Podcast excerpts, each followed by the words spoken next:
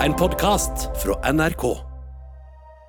Jeg eh, føler at jeg har så høye forventninger til meg selv at det er slitsomt. Så jeg prøver liksom bare å være sånn Ok, i dag har jeg prøvd.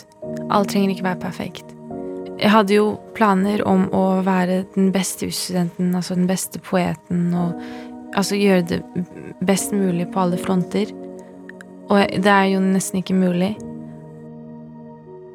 Sara Sahid er prisbelønt forfatter, sterkt kritikerrost for sine to diktsamlinger, men hun er også jusstudent, og lever i spennet mellom studier, skriving og livet selv. Kanskje ikke så rart at hun har valgt seg et skikkelig eksistensielt dikt som handler om det å huske på og ha omtanke for oss selv, midt oppi alt som krever så mye av oss. Diktet heter Det vanskeligste og er skrevet av den folkekjære poeten Hans Børli, og en dag hun trengte det, dukket det rett og slett bare opp i Facebook-feeden hennes. Det var en sånn gammel lærer fra barneskolen som hadde delt det, og så bare skummet jeg litt. som bare, som bare leste siste vers. Og det var wow. Og da har jeg liksom bare tenkt på det veldig mye i etterkant, da. Så visste jeg ikke hva diktet het, men husket verset, så jeg googlet det, og så fant jeg det. Så um, jeg tenkte jeg skulle trekke frem dette i dag, da. Det vanskeligste. Det vanskeligste er å holde ut med seg selv. Holde ut med seg selv og bære over når det lukter sure strømper av din sjel. Men prøv med det gode. Husk, du skal bo i hus med deg selv så lenge lyset brenner i øynene dine. Hver morgen skal speilet hviske til deg der du står innsydd i ditt eget skrukne skinn og med såpe rundt øreknutene. Dette er du, du, du, men prøv med litt vennlighet, et strøk over det glisne håret, kanskje. Det går nok bra, kamerat, det går nok bra. For mye av hatet og kulden i verden kommer av menneskets tærende selvhat. Det er et nydelig dikt av Hans Børli. Så det som virkelig står ut, er det siste med for mye hat og kulden i verden kommer av menneskets tærende mm. selvhat. For det er, så, eh, det er så sant. Og jeg tenker liksom mye Jeg tenker veldig mye på akkurat det, da. Og spesielt når jeg liksom kanskje føler at eh, eh noen er eh, liksom unødvendig hatefull eller sier noe slemt, så tenker jeg at det handler kanskje mer om dem enn meg. Um, ja, det kan være i alle slags sammenhenger men også på et kanskje et mer eh, eh farligere eller mer intenst nivå, da. Um, som for eksempel høyreekstreme, da. Han som begikk drapet på Benjamin Hermansen. Det var en grunn til at han ble som han ble. Det var en grunn til at han gjorde som han gjorde. Det begynte med noe. Hat føler jeg alltid har et bakteppe. Et, ingen står opp og bestemmer seg for å hate, liksom. Det begynner et sted. Og så er hat er så vanskelig, og det er så komplekst, og så kan det ekspandere seg. Så det begynner kanskje med noe på innsiden, og så bare blir det større, og du overfører det. Du går rundt og bare overfører det. Og sånn føler jeg også når jeg er i hybelleiligheten min da, og har en eksamensperiode. At da ser jeg liksom ikke alt det som er fint, at hatet liksom bare tar helt overhånd. Jeg har også kanskje også tenkt at uh, igjen, hvis jeg liksom oppnår nok, eller hvis jeg gjør gode nok ting, eller hvis jeg er flink nok, så vil det være mindre av de mørke periodene, men de dukker opp igjen, hvis du skjønner. Når jeg fikk avslag på boka mi, og så bare var det et annet forlag enn Flamme, da, selvfølgelig, som sa at eh, de ikke kunne gå videre med Bjørnholt VGS. Og da hadde jeg tatt et års permisjon fra jussen for å skrive ferdig boka. Og så tenkte jeg at jeg hadde wasta hele året Eh, og, og, så ble den ikke antatt, og den hadde jeg egentlig brukt ganske mye tid på. Så da var det litt sånn Alt går til helvete. Og så måtte jeg låse døra, og så gråt jeg, la meg på sengen. Og så ringte jeg vennen min, og så sa jeg jeg fikk avslag. Og sa nei, nei, du må prøve flamme. Og så tenkte jeg at han sier det bare for å være hyggelig. Boka mi er dårlig, liksom. Jeg følte at jeg lå bak igjen på jussen, og at jeg ikke lenger kunne skrive, at jeg ikke hadde noen ting, da. Og det bare ekspanderte, liksom. Jeg hadde ikke lyst til å gjøre noen ting. Og sånn er det. Sånn føles det noen ganger.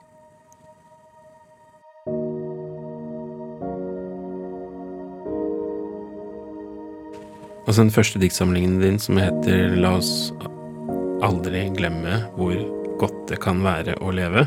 Ja. Nå satt jeg konsentrerte meg om å huske det ordet, da. Men Men det er, jo, det er jo noe av det som ligger i den tittelen òg, er det ikke det? Det der å minne seg selv på at, at, Ja, at det er gode ting i verden. Det har ikke jeg tenkt på, men det stemmer nok. Um, jeg pleide egentlig å skrive ned alt det som var fint i uh, dagboken min. Så, eller jeg hadde kanskje ikke Jeg har hatt sånn eh, trash dagbøker opp gjennom årene. Men Hva det, kalte du det? Trash? Sånn, ja, bare sånn I dag har jeg gjort det og det, jeg har spist det, Sånn, punktum. Og da var jeg sånn 13-14. Det er helt uinteressant. Men så tror jeg var kanskje sånn 17, så skrev jeg ned alt det fine noen noen gang har sagt til meg, og som jeg har tenkt på. Og så bare mm, prøvde jeg å liksom huske det, da, og skrive det ned. Eh, og spesielt når det er sånne mørke perioder. Um, og det Jeg har også kanskje også tenkt at uh, igjen, hvis jeg liksom oppnår nok, eller hvis jeg gjør gode nok ting, eller hvis jeg er flink nok, så vil det være mindre av de mørke periodene, men de dukker opp igjen. Hvis du skjønner? Når du snakker om mørke perioder, da er det sånn Da er du ordentlig neff, Mm. nedfor ganske lenge, da? Eller? Jeg blir det, og jeg vet ikke hvorfor, men det bare Det blir sånn helt uh, mørkt, da. Og det, det, jeg, tror, jeg tror liksom alltid at jeg er ferdig med det, for nå har jeg, har jeg så mye fint, og nå har det skjedd så mye fint, men så bare skjer det igjen. Og da vet jeg ikke helt hva jeg skal gjøre. Og så det komiske er at jeg skriver best under disse mørke periodene. Og han kompisen min sier at det er så dårlig innstilling, dette kan jeg ikke si, dette er så trist. At, eh, og så redaktøren min også sier at jeg, liksom, jeg må jo skrive dikt når jeg er lykkelig, men jeg gjør det aldri. Sånn, I hele 2023 så har ikke jeg skrevet dikt, og det er fordi jeg har vært så opptatt av lykkelig. Så jeg må, jeg må være litt sånn Ha det litt mørkt, da, for å skrive ordentlig bra. For jeg får en slags helt annen selvbevissthet også. Men det er øh, Altså typisk Altså, dette er kanskje litt sånn vanskelig å forstå hvis man ikke har slitt så mye med eksamensangst, mens jeg har alltid gjort det, da. Sånn, de ukene før er helt jævlige. Og da Ja, det er veldig mye usikkerhet knytta til alt. Um, men eh, jeg skulle ta eksamen i strafferett, og så um, var jeg på treningssenteret, og dette var sånn fem dager før eksamen. Jeg hadde lest masse. Jeg skulle naile det, var favorittfaget mitt. Og så var jeg på sats, og så um, hadde jeg litt dårlig tid. Så, så skulle jeg plukke opp en sånn dumbbell, um, tre kilo, og så mistet jeg den på fingeren min. Og så begynte jeg å blø, og så tenkte jeg ok, nei, det er bare kutt. Men så begynte jeg å se svart, og så eh, så jeg på fingeren min at den var liksom oppskåret som en pølse. og som blod som rant.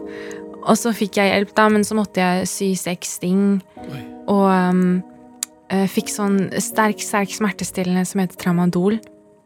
Og så, og så var jeg oppe hele natta og var hadde veldig vondt, da. Men så gjorde at jeg ikke fikk eh, lest nok til strafferett og måtte utsette eksamen. Og den perioden var helt jævlig. Um, og da også ikke, så blir liksom alt bare Mørket bare ekspanderer seg, på en måte. Alt blir, alt blir bare jævlig. Og jeg føler at det ikke er noen vei ut. Men så forteller jeg meg selv at dette, dette kommer til å liksom snu opp ned på bare noen dager, kanskje en uke. Eh, Så sånn hjelper det å tenke, da. At ting kan snu veldig fort. Og de snur veldig fort. Du har lært deg det nå? Ja, så nå er jeg i Oslo og har det bra med vennene mine, så når jeg ser tilbake på det, så tenker jeg at det var pain, det var jævlig, men eh, ting snur veldig fort. Ja. Og så øh, får du terningkast seks for den diktsamlingen i VG, og så blir du ikke engang ordentlig glad da. ja, så jeg har tydeligvis eh, issues, da. Nei, jeg vet ikke, men uh... Ja, Men troen på at, øh, at du blir lykkelig, da, livet blir bra bare du får til dette og dette og dette, det, det viser seg gang på gang at det ikke stemmer helt, da. Men likevel så lager jeg meg nye mål, som er litt, liksom, lite realistiske nå, men som jeg tenker vil gjøre meg evig lykkelig. Og sånn fortsetter jeg. Kanskje fordi jeg trenger et eller annet å se frem til, jeg vet ikke, men det eneste som får tiden til å stoppe opp, og det eneste som faktisk hjelper, er egentlig folk. Også nye folk, liksom bare folk jeg møter, for da føler jeg at jeg Oi, det høres så cheesy ut, men da føler jeg at jeg lever. Sånn, det er noe i det, da. Men jeg er glad jeg i hvert fall innser det. At, at jeg vet det oppi hodet mitt. Hva jeg vil, og hva jeg tror jeg vil. Og hva jeg ikke vil. Tror jeg. Hvorfor har du vært så innmari lykkelig i hele 2023, da? Um, jeg har vært mye i København med venninna mi. så vi skulle egentlig til, til et varmt strøk i påsken. Men så bare fucka vi opp, altså. Vi rakk ikke å bestille billetter. Det var ikke nok resteplasser. Ting ble for dyrt. Så da tenkte vi ok, da drar vi til København. så hadde vi ikke noe spesielt forhold til det. Og så var det i påsken, så tenkte vi ok, men da er alt stengt, så hva skal vi gjøre? Men vi hadde liksom the time of our lives. Det var så gøy. Vi dro på masse utesteder, altså møtte masse folk, var liksom overalt. Prata masse, lange turer. Og så er København er så spesielt, sånn sammenlignet med Bergen, da. Nå skal ikke jeg liksom snakke stygt om Bergen, men har du vært der? Ja. Det er ganske grått, og det er litt sånn Folk kler seg likt, og folk spiser det samme. Og det er ikke så mye som skjer. Og hver dag, altså hver dag er lik. Jeg føler liksom eh, Altså, én dag er en uke, på en måte. Og det er så kjedelig. Men når vi var i København, så var det sånn én million ting som skjedde på én dag. Og de tre dagene hadde liksom vært de mest innholdsrike på kanskje fem måneder, da. Og så jeg og venninna mi var med en gang så var sånn Ok, vi må dra tilbake. Og så dro vi dit igjen. Og så igjen. Så vi har vært der liksom tre ganger på fem måneder. Så det er litt det. Jeg har ikke gjort det så bra skolemessig. Og, men jeg har sluttet å stresse så mye med det. Fordi som jeg sa til deg, jeg har liksom innsett at det er viktigere ting. Så det der menneskets tærende selvhat, det har du faktisk tatt litt sånn praktiske forebyggende tiltak mot ved å dra til København? Ja. Beste antidepressiva. Ja, faktisk.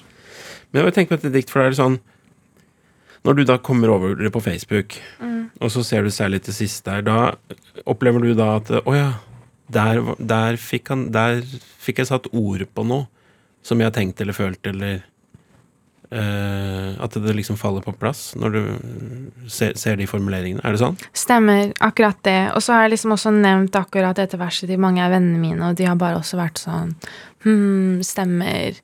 Så jeg tror liksom det at uh, Spesielt Du føler liksom ikke behov for å hate eller være bitter og frekk når du har det veldig bra selv, da. Er ikke det naturlig? Sånn, det kommer gjerne fra deg selv. Sånn typisk hvis jeg er i den mørke perioden da, hvor jeg liksom nettopp har ødelagt fingeren min, så kan det være en, enklere for meg å være Jeg vet ikke, litt frekk, da. Eller uh, i hvert fall trist i møte med andre. Um, og kanskje mindre kjærlig. Men jeg, jeg, føler, jeg føler liksom at folk ikke unødvendige hatefulle. Det er alltid noe mer som ligger bak. Og som jeg sa, så føler jeg liksom at hat alltid har et slags bakteppe, da. Men jeg tenker litt på det som står i begynnelsen av dette diktet òg, som jeg har tenkt på mange ganger, hvor vanvittig det er at man er sammen med seg selv 24 timer i døgnet året rundt. Mm. Uten noen form for timeout. Altså det ville vært naturlig å ha noen pauser innimellom. Skulle man komme tilbake til seg selv. Um, men sånn er det ikke. Man er sammen med seg selv hele tiden, og da på den måten at man må holde ut med seg selv og bære over når det lukter sure strømper av din sjel, som det står her. Mm. Hva ser du for deg når du, når du leser dette her? Um, at jeg har eksamensperiode. altså, jeg nevner jo det hele tiden, men altså, de som går fjerdeåret på husen, skjønner hva jeg snakker om. Spesielt når du er alene, da. Eller når jeg er alene og er i liksom hybelleiligheten min, og jeg føler at jeg ikke får til ting, og at alt tar så lang tid at uansett hvor, hvor mye jeg prøver, så er jeg så langt fra målet, så prøver jeg likevel å tenke at dette er midlertidig. Og det er jo det litt dette verset handler om. Um, altså Jeg hadde jo planer om å være den beste jusstudenten, altså den beste poeten, og altså gjøre det best mulig på alle fronter. Eh, men også trene bra og liksom spise sunt og være helt perfekt. Men jeg får det ikke alltid til. Og da kan jeg liksom være sånn Å nei, jeg er udisiplinert. Eh, og ditten og datten. Men da tenker jeg ok, jeg har i hvert fall prøvd litt i dag, og så kan jeg ta morgendagen. Så er det en innstilling jeg prøver å ha, da. Eh, men jeg tror liksom at det som ødelegger veldig mye for meg, er at jeg har så høye forventninger. Um, at det blir liksom tungt, da. At hverdagen nesten blir litt tung. Og det er deilig å slippe de forventningene litt når jeg er med venner, eller når jeg har ferie, eller når det er andre ting på gang.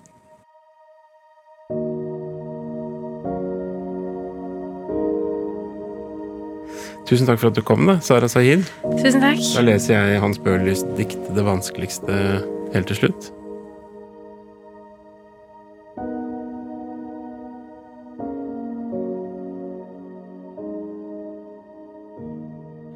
Det vanskeligste er å holde ut med seg selv.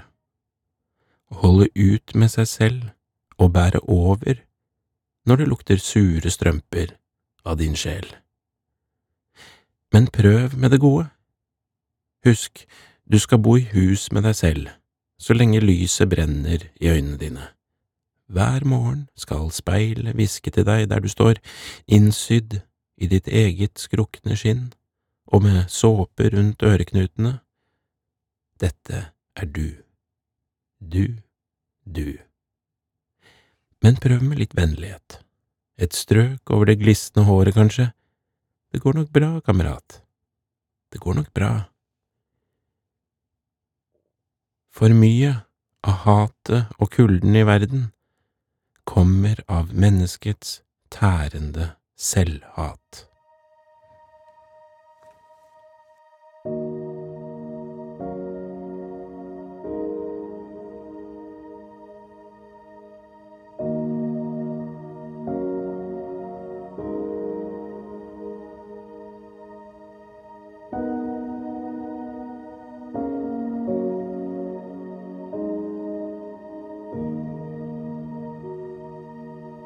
Denne podkasten er laget av meg, Hans Olav Brenner, Kristine Lossius Torin og Janne Kjellberg.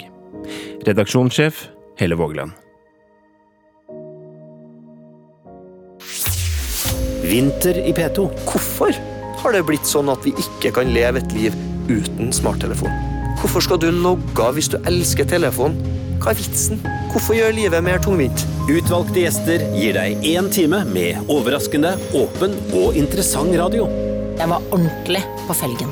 Inn dundret ti kvinner og seks musikere som skulle vise seg å redde meg ut av tung depresjon og navlebeskuende sorg. Vinter i P2 i appen NRK Radio.